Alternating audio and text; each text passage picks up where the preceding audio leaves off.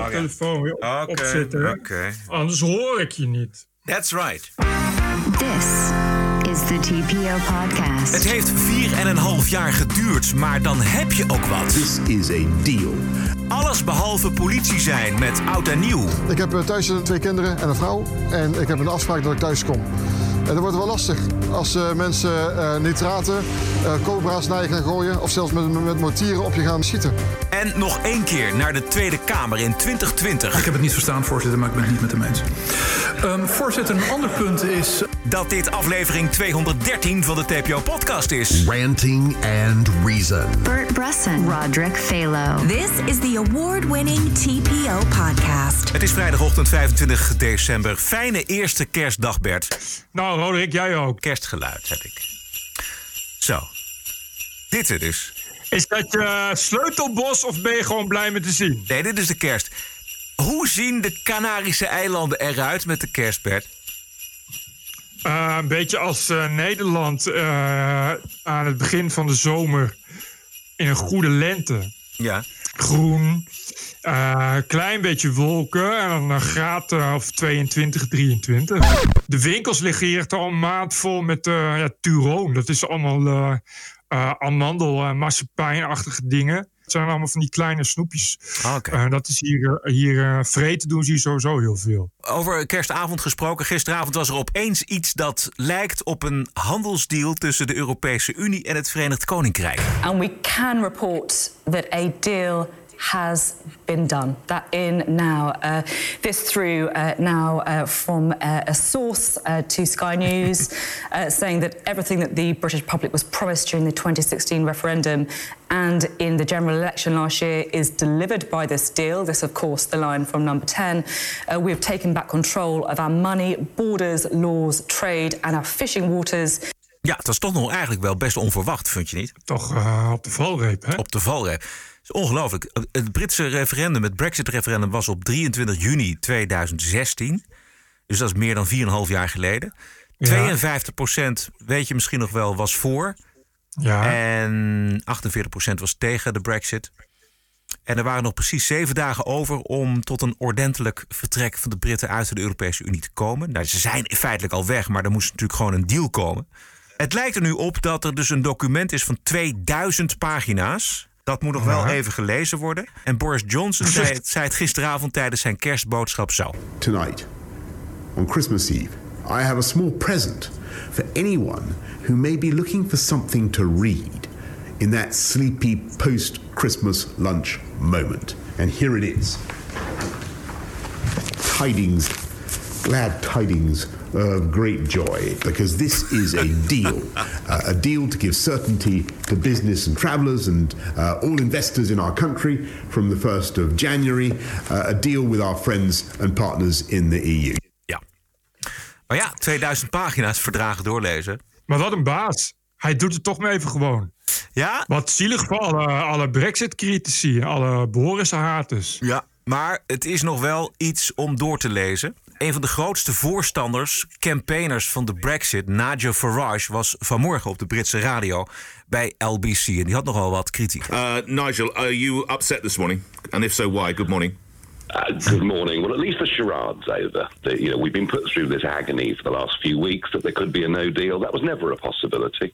There was always going to be a deal, and it was always going to be a deal that was in the interests of the French fishermen and German car makers, and that's what we've got. Um, I think, uh, you know, But a deal helps the UK, doesn't it, Nigel Farage?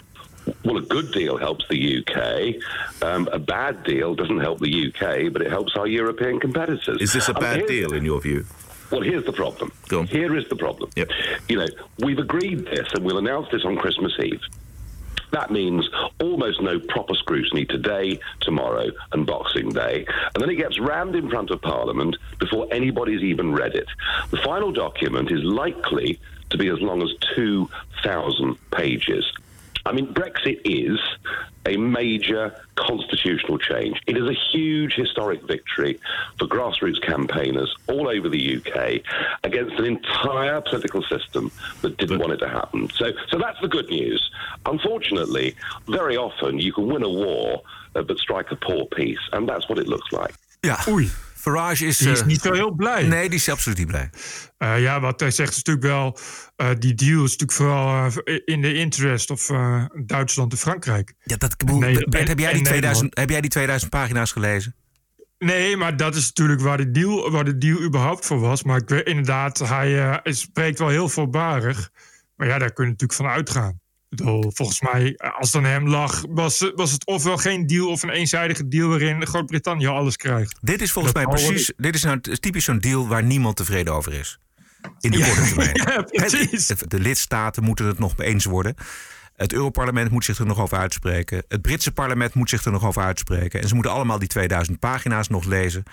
De bottom line is volgens mij toch dat de Britten in meerderheid weg wilden. En dat ze daar in de toekomst, denk ik, met alle strijd en nijd en incompetentie binnen de Europese Unie nog toch veel plezier van zullen beleven. Je krijgt niet alles. En dat is nooit Nee. bij een deal. Can't always get what you want. Nee, Precies. En dat geldt ook, denk ik, voor de Europese Unie. Toch een deal. Weet je, Ja. is beter dan geen deal. Nou, een dat no-deal zeker. Brexit is, pijn voor heel veel mensen. Ja, dat en was- lange rijen. Precies, dat was de hel geweest. Wat je krijgt voor de Britten is, eh, is in de toekomst, wat ik nu hier ook heb. Want de Canarische eilanden zijn dan wel EU, maar dan weer niet voor de douane. Dus ik, alles, alle pakjes die ik bestel, daar, moet belasting over betalen. Eh, en dat soort dingen. En het duurt heel lang, per definitie. Ja. Omdat het heel lang bij de douane blijft liggen. Eh, en ik moet echt eh, via Amazon, moet ik via een apart bedrijf die het doorstuurt. Omdat bijna niemand wil direct aan de Canarische eilanden leveren vanwege de kosten.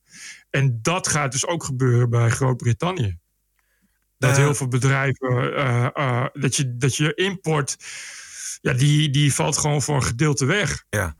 Maar leg nou eens uit, wat, hoe zit dat dan? Want de Canarische eilanden is, zijn onderdeel van eh, Spanje. Ja. En Spanje is onderdeel van Ja. de Europese Unie. Maar wat is dan de Ja, is- uitzonderingspositie? Eh, S- eh, Canarische eilanden hebben een speciaal belastingregime. Je betaalt hier heel weinig BTW. En dat is om eh, toerisme te bevorderen.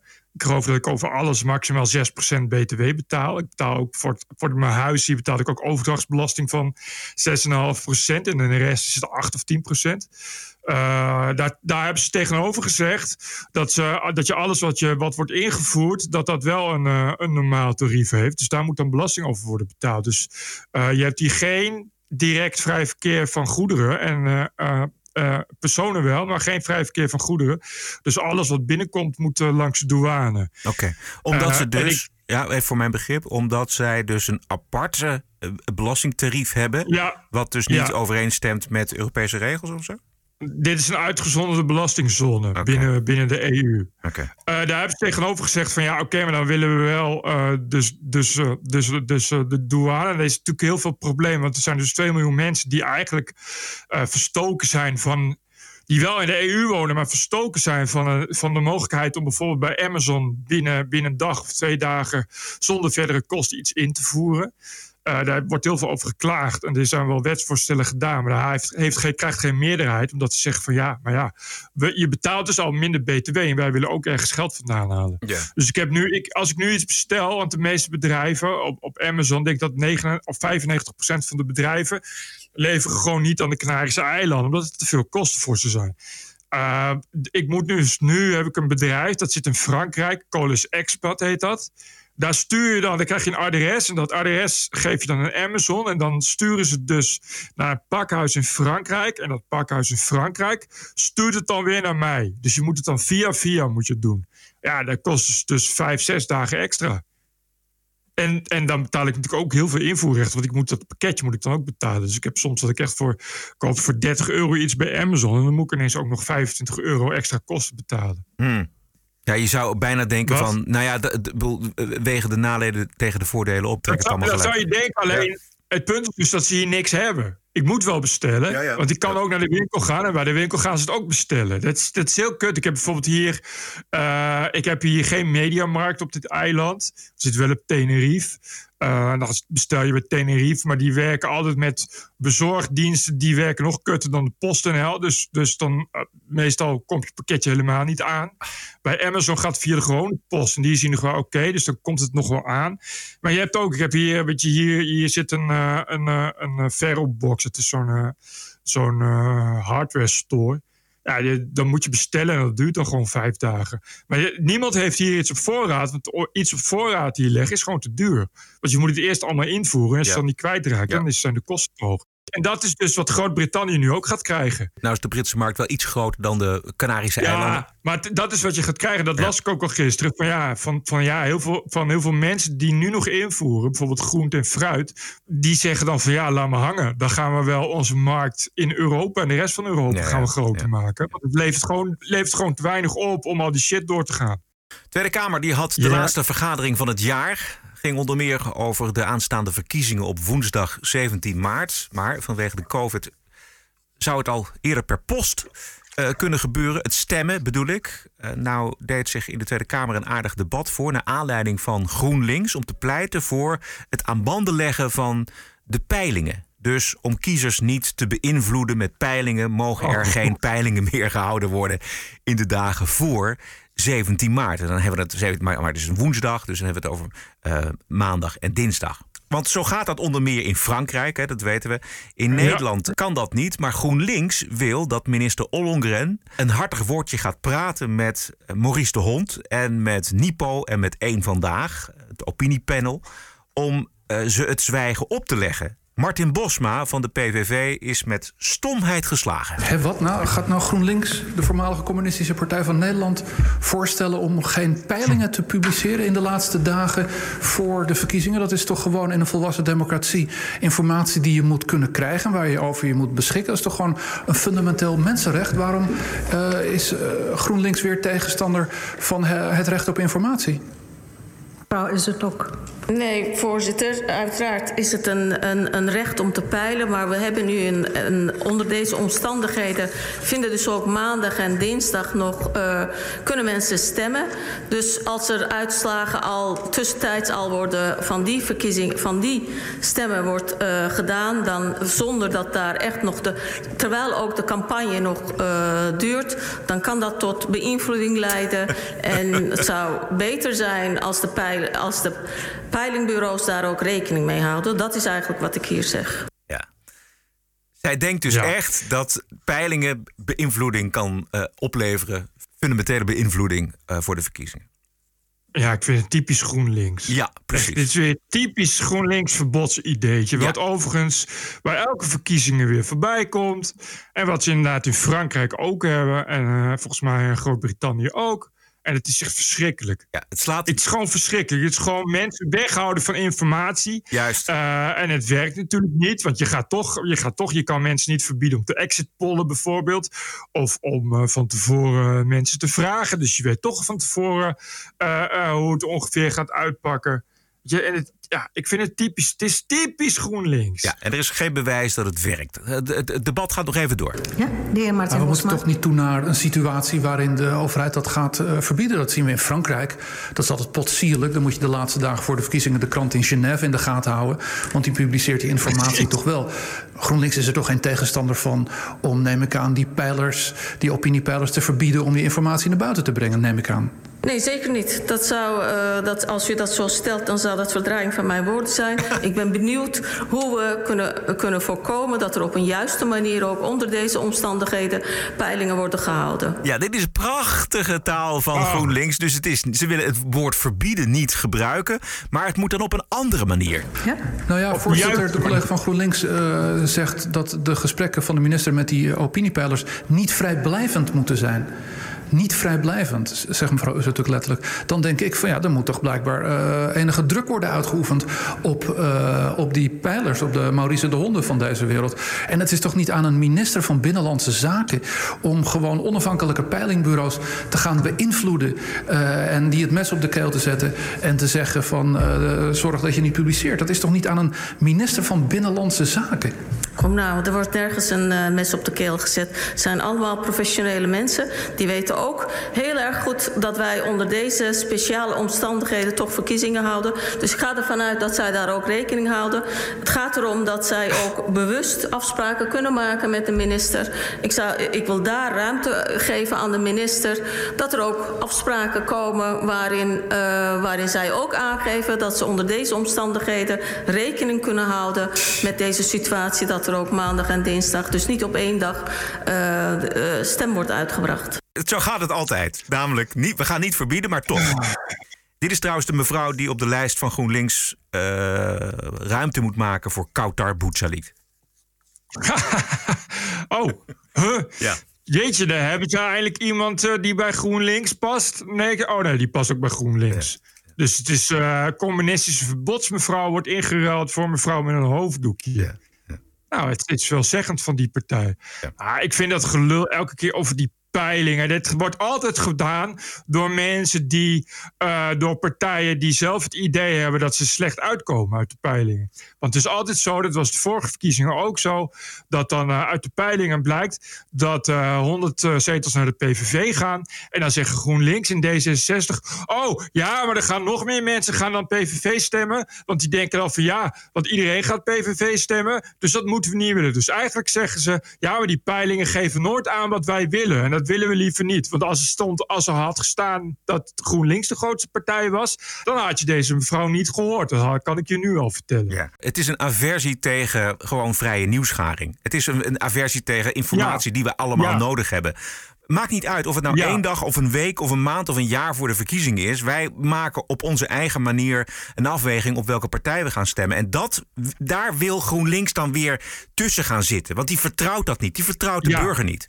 Precies, want de burger is een hele domme, beïnvloedbare tokkie. Het debat gaat nog verder, want eh Usturk van de firma Denk... die vermoedt dat de verkiezingen een soort van tweestrijd gal- zal worden... tussen de VVD en de PVV, van wie de grootste wordt. En dat zou best eens kunnen, denk ik. Die exit polls die zijn gunstig voor de PVV, denkt Usturk. De invloed van eh, de media, eh, de invloed van opiniemakers of invloed van exit polls, eh, vindt u goed, zodat mensen dus op een andere partij gaan stemmen. Dus u in principe zegt u van, laat maar gaan die st strategische stemmen, het komt ons op dit moment goed uit. Nou ja, dat heet gewoon persvrijheid. En u heeft nog steeds moeite om, daarmee, om daaraan te wennen. Dat, ja, het zou een stukje integratie kunnen zijn als u dat gewoon accepteert. Ja, we hebben gewoon media en die publiceren dingen. En soms staan er leuke dingen in en soms staan er geen leuke dingen in. En in de grondwet staat gewoon dat niemand voorafgaand eh, toestemming nodig heeft. En we hebben ook nog artikel 10 eh, EVRM. Zo simpel is het. En ik vind dat burgers recht hebben op informatie. En al die informatie telt mee in hun zeer volwassen beslissing... om eh, iets te stemmen of iets niet te stemmen. Persoonlijk feit. Voorzitter, u heeft geen vraag aardig te blijven. Ik heb me ingehouden en dan komt Bos, Bosma met eh, dit soort verhalen. Ik denk dat het goed is dat hij dat even op een eh, goede manier einde van het jaar rechtzet. Dan eh, is deze discussie afgelopen. Ik heb het niet verstaan, voorzitter, maar ik ben het niet met hem eens. Ehm, voorzitter, een ander punt is eh, ja, dat het toch ingewikkeld is. Dat, dat, Ik, dat, ik heb eh, de neiging om jullie alsmaar de ruimte te geven. Want waarschijnlijk Nee, is dit misschien de laatste Ja, dat is wel zo. Dat is dan Ja. weer, hè? Dat, eh, maar goed. Ja, want de Usturk gaat natuurlijk de Kamer uit. En dat gaat niet meer gebeuren. Zielig voor Usturk. Ja, hè? Heeft die, de laatste poging eh, verstaat niemand hem. En begrijpt überhaupt niemand wat hij zegt. Ik verstond er ook geen reet van. Maar wat Martin Bosma zegt. Ik kan het niet verstaan, maar ik ben het er toch niet mee eens. Dit is de TPO-podcast. Een eigenzinnige kijk op het nieuws en de nieuwsmedia. Elke dinsdag en elke vrijdag. Twee keer per week. Het hele jaar door. Zonder reclame en zonder een cent subsidie. 100% onafhankelijk. The award-winning TPO podcast. Wat is het jou waard? Kies een euro per aflevering, 104 euro per jaar of kies zelf een bedrag. De TPO-podcast. Wat is het je waard? Doe mee en doneer op tpo.nl slash podcast. Straks de Woke Week natuurlijk. En we hebben een bonusquote van een Amerikaanse radiolegende. Maar eerst kijken we naar oud en nieuw. Want het ziet er naar uit dat van al het vuurwerk dat niet mag worden afgestoken... het zware illegale vuurwerk voor de grootste ongelukken gaat zorgen met oud en nieuw. Stukje uit een reportage woensdag bij Nieuwsuur.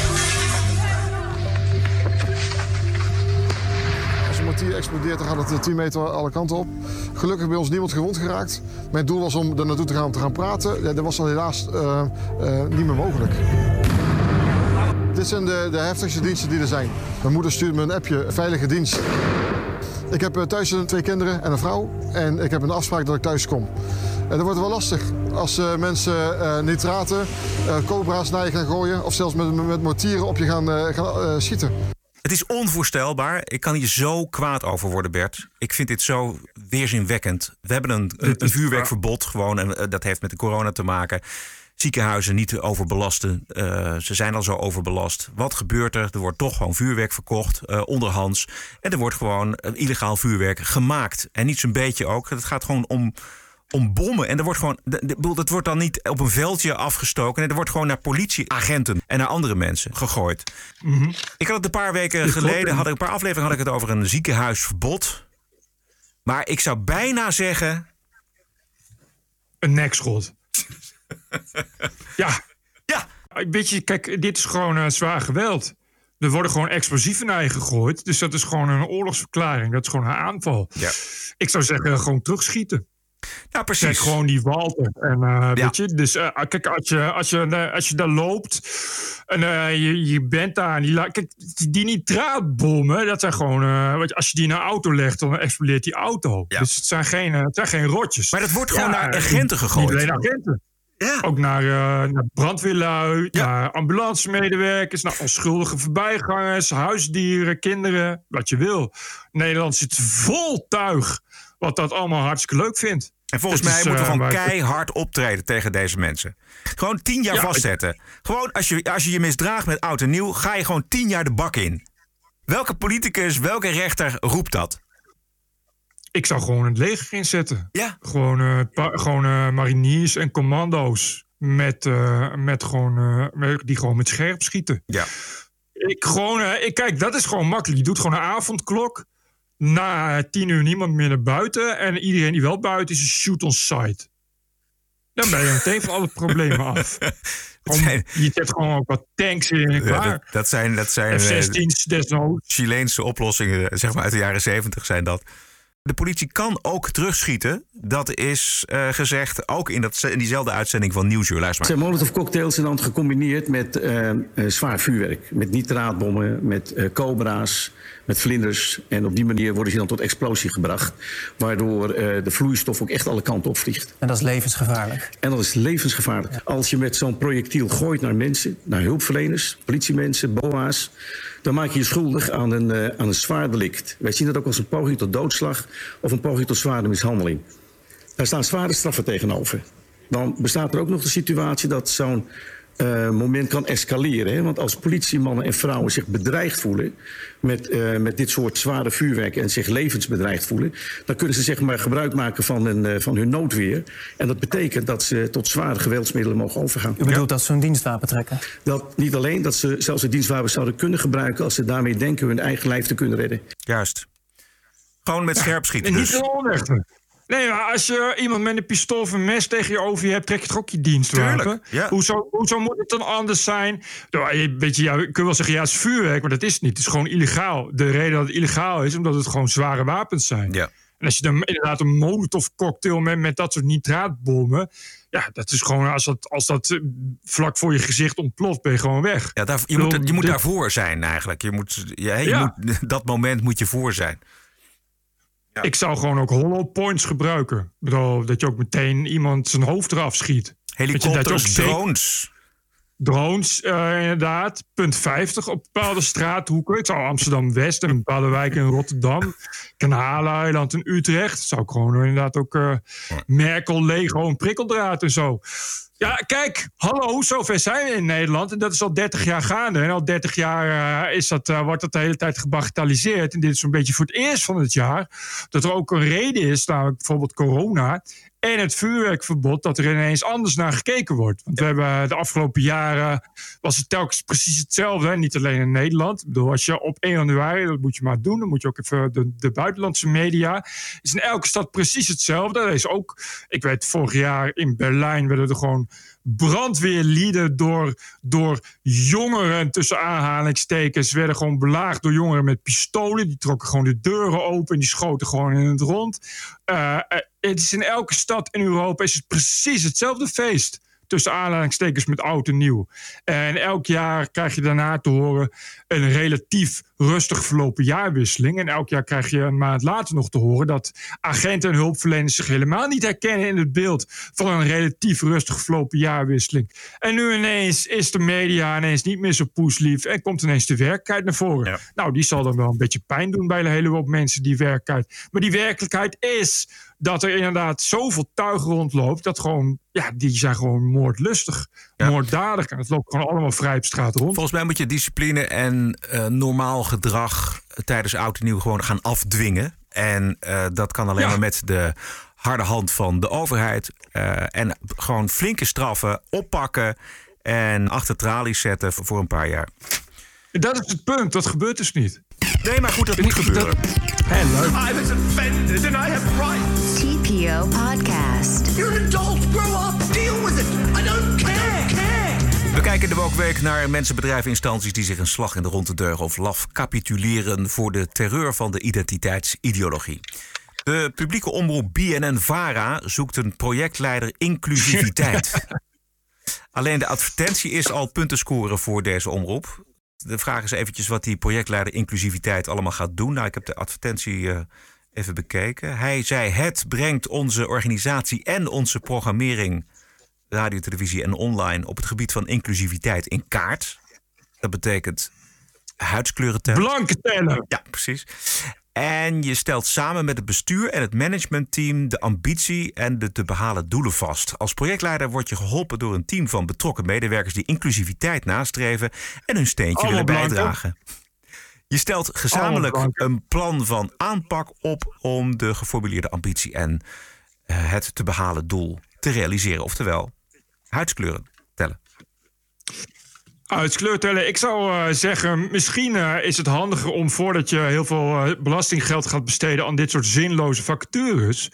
Om gewoon bij jezelf te beginnen. Aangezien zowel de hele VARA-top als de NPO-top room en room blank is.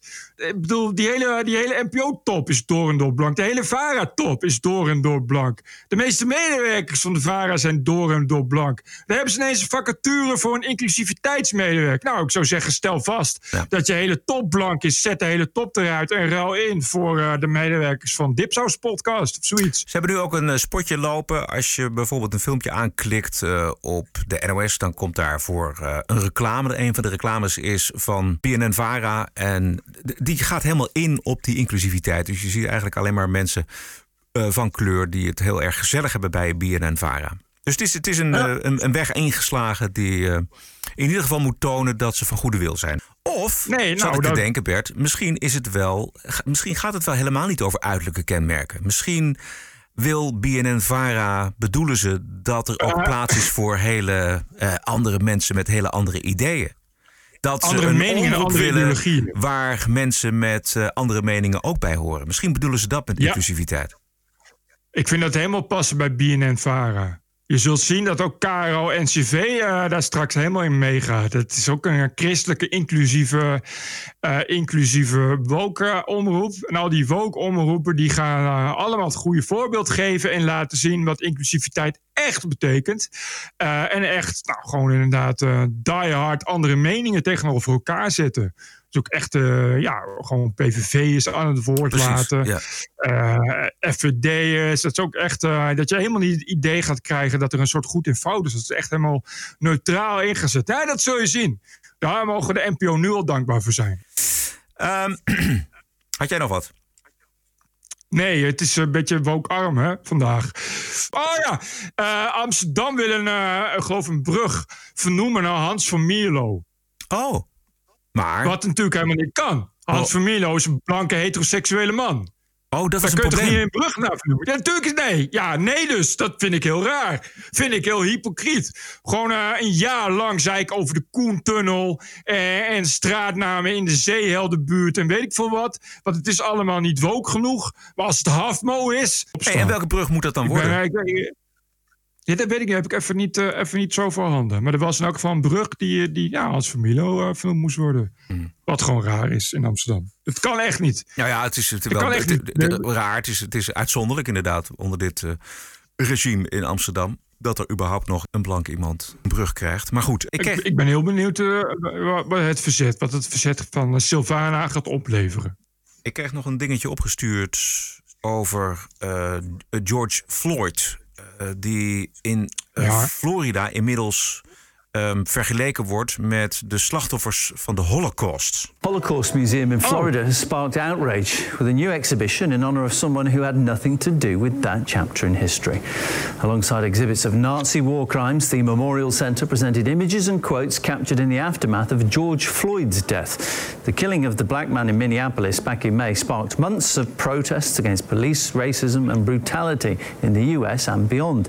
The museum said the Floyd exhibition is supposed to counter any identity based hate, but members of the Jewish community found it largely disrespectful. The death of George Floyd compared to the Holocaust? I mean, that's absurd. Het past wel helemaal in het verhaal dat de Verenigde Staten de afgelopen vier jaar geregeerd is door de reïncarnatie van Adolf Hitler natuurlijk. Dat is precies wat je kan verwachten bij, bij Woke. Ja.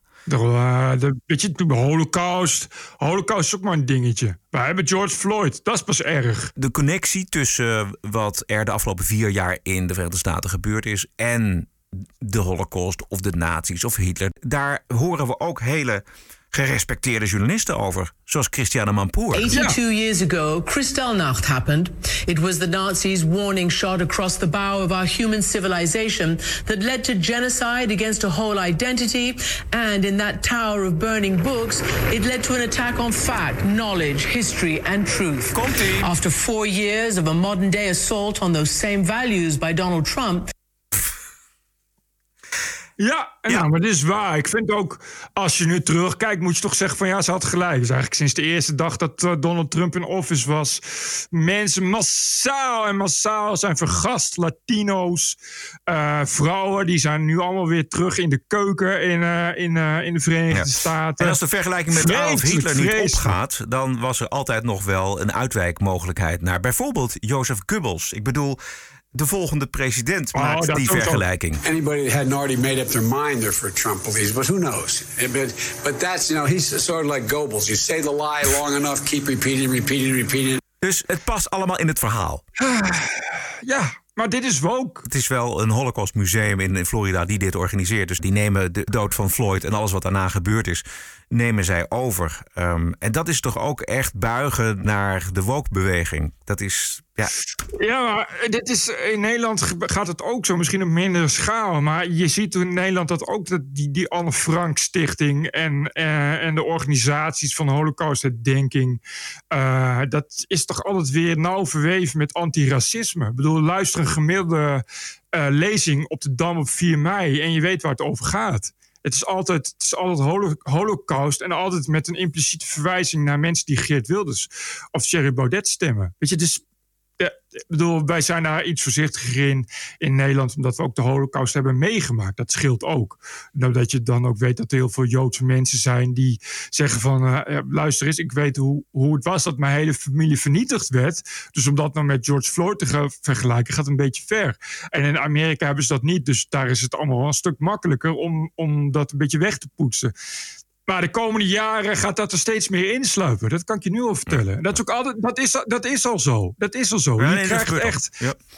een, een excursie aan het Anne Frankenhuis. En daarna eh, voor kinderen een opdracht om te begrijpen dat eh, extreem rechts weer terug is. Weet je wel? Dus, dus ja. Bert, ik heb alleen nog een bonusquote. Oké, nou, ik zou zeggen, gooi de bonusquote er maar het is kerst. En de bonusquote is van de Amerikaanse talkshow-host Michael Savage. Draaien we wel vaker eens wat van. Maar hij heeft nu een historische mededeling voor zijn fans, waar ik er een van ben. I'll be on the air again next Thursday, December 31st, to say goodbye and then introduce you to what is coming, which most of you know about by now because I've told you about it for so long. But it's on michaelsavage.com because there's the headline Savage Goes All podcast in 2021, leaves AM radio after 26 years. Expect more edge. The Savage Nation podcast heard on Apple, plus all podcast services. And that begins in January. Deze man heeft dus 26 jaar op de radio gezeten, zoals hij zelf al zegt. Ik was op een vakantie in 2003 in San Francisco. Daar hoorde ik hem voor het eerst op de radio. Ik was eigenlijk onmiddellijk gegrepen door zijn manier van praten en hoe hij het nieuws uh, aan elkaar becommentarieerde. Maar hij houdt het dus gezien, de radio. Het is, het is afgelopen wat hem betreft. Maar met de radio. hij, hij is toch ook uitgegooid? Zijn adverteerders zijn ook regelmatig belaagd en die, hebben het, uh, die zijn afgehaakt. Dus hij, deels moest hij weg, deels uh, concentreert hij zich dus uh, in het nieuwe jaar op podcast. Ja, kijk, uh, weet je, als je gedeplatformd wordt, oké, doe je dan wat je wil. Dus, dus dan voor hem inderdaad meer reden om zich te focussen op podcast. Waarin je dus inderdaad meer vrijheid heeft en meer kan doen wat hij wil. Maar het is veelzeggend. Het is veelzeggend dat adverteerders daarover gaan zeiken. Weet je, dat je zo'n zo'n icoon hebt die jarenlang kennelijk uh, radiostations genoeg opleverde. Dat je daar dan voor bukt. Nou, oké, okay. ja. dan, dan, weten we, dan weten we hoe laat het is, dan weten we waar we zijn. En dat is precies de reden ook waarom wij dus geen adverteerders hebben. Dus wij, Nee. wij moeten het doen met de donaties die we krijgen. Vandaar dat het zo belangrijk is om, eh, om ons te blijven steunen. Want als je dus wel je, eh, gaat richten op adverteerders... ja, dan ben je, voordat je het weet, ben je de klos. En dan eh, gaan de mensen die Nee, het ja. niet met je eens zijn... gaan achter die adverteerders aan. Nee, precies. Je kan dan wel. Kijk, als wij dan nu zeggen we hebben adverteerders. en dat is dan een merk X. Het eerste wat er gebeurt is dat dan mensen op Twitter naar merk X gaan twitteren. En je weet hoe dat gaat. Die raken dan in, in, in blinde paniek. Eh, of ze gaan. eh, kijk, jij, hebt- bij, ik, nee, jij hebt nu ook geen werkgever meer en ik ook niet. Dus, dus niemand kan dus wat maken. Maar ik weet nog dat jij wel een werkgever had, dat dat ook al gebeurde. Ja, dat gebeurt dat, je dan, dat, je, dat, je, dat je werkgever dan bericht krijgt of dat je extreem rechts bent en dat soort dingen. En niet dat jouw werkgever daar dan wakker van ligt. Nee. Maar ja, je weet dat sommige werkgevers daar eh, heel snel van wakker liggen. Al van één tweetje en dan, eh, dan al weglopen. Dus ik vind sowieso dat, dat meer mensen daarvoor zouden moeten kiezen om te stoppen met adverteerders. Ik vind dat adverteerders maar eens moeten gaan leren dat er een consequentie zit aan cancelen en Nou precies, als ze dat- dus niet, als ze dus daar gevoelig voor zijn. Er zijn gelukkig ook nog adverteerders, ook bij Michael Savage, die nog steeds dachten van, nou ja, weet je, jullie kunnen mijn rug op. Eh, ik blijf gewoon adverteren. Dat zijn natuurlijk de, de nee-zeggers. Precies. Dat zijn precies de mensen waar we het van, van moeten hebben. Maar er zijn ook genoeg adverteerders die eh, het in hun broek doen voor eh, één of twee tweets. Weet je wat ik vind? Ik vind dat adverteerders die naar ons luisteren, die moeten gewoon heel veel geld doneren. En dan is het een donatie. En dan zeggen wij eh, eh, dat merk, dit en dit merk heeft heel veel geld aan ons doneerd. Oh ja, vrijblijvend. Ja. Dus dan heb je toch een soort van geadverteerd, maar we zijn dan toch vrij, want je hebt gedoneerd. Precies, zijn we heel vriendelijk voor je. Je mag ook anoniem doneren, dan noemen we je naam niet. Ons adres is info.tpo.nl. Ik vind het echt een top idee. Dat je dan, eh, dat, dat je dan eh, adverteerders hebt. Dan heb je een soort lijst van niet-woke adverteerders. Die zich niet laten wegjagen. Juist. Dan kun je dus zeggen van nou, ik werk, eh, ik ben van, van bedrijf X. En ik verkoop dit en dat en zus en zo. En ik doneer aan de TPO podcast. Want ik laat me niet wegjagen door andere meningen. Want mijn bedrijf staat voor alle meningen. En alle opvattingen. Want mijn bedrijf is pas echt inclusief. En dat is meteen een extra bonuspunt voor je bedrijf, Juist, want dan ben juist. je gewoon een stoere adverteerder. Ik wil het dan ook nog wel eh, ergens opschrijven, zo op post online. Dat je zegt van dit bedrijf doneert geld omdat het graag alle meningen en de uitwisseling van ideeën is zonder drempels. De TPO-podcast is te vinden op iTunes, op Spotify, Soundcloud en natuurlijk ook op tpo.nl. Zeer veel dank voor de ondersteuning van aflevering 213. Wil je ook ondersteunen? Ga dan naar tpo.nl slash podcasts. Wij zijn er dinsdag weer, de 29e is dat. Bij hoge uitzondering zijn wij er niet vrijdag. Eh, want vrijdag is het Oh, 1 dat is zo. januari en dan zijn Bert en ik ook een dagje vrij. Dat u het alvast weet. Post kan naar info.tpo.nl en waarderen kan op tpo.nl slash podcast. Stay cool en tot dinsdag. Feliz Navidad. TPO Podcast. Bert Bruson, Roderick Balo, Ranting and Reason. This is a deal. Podcasting is the TPO podcast in the Netherlands. Bert and Roderick. What a show. I'm telling you.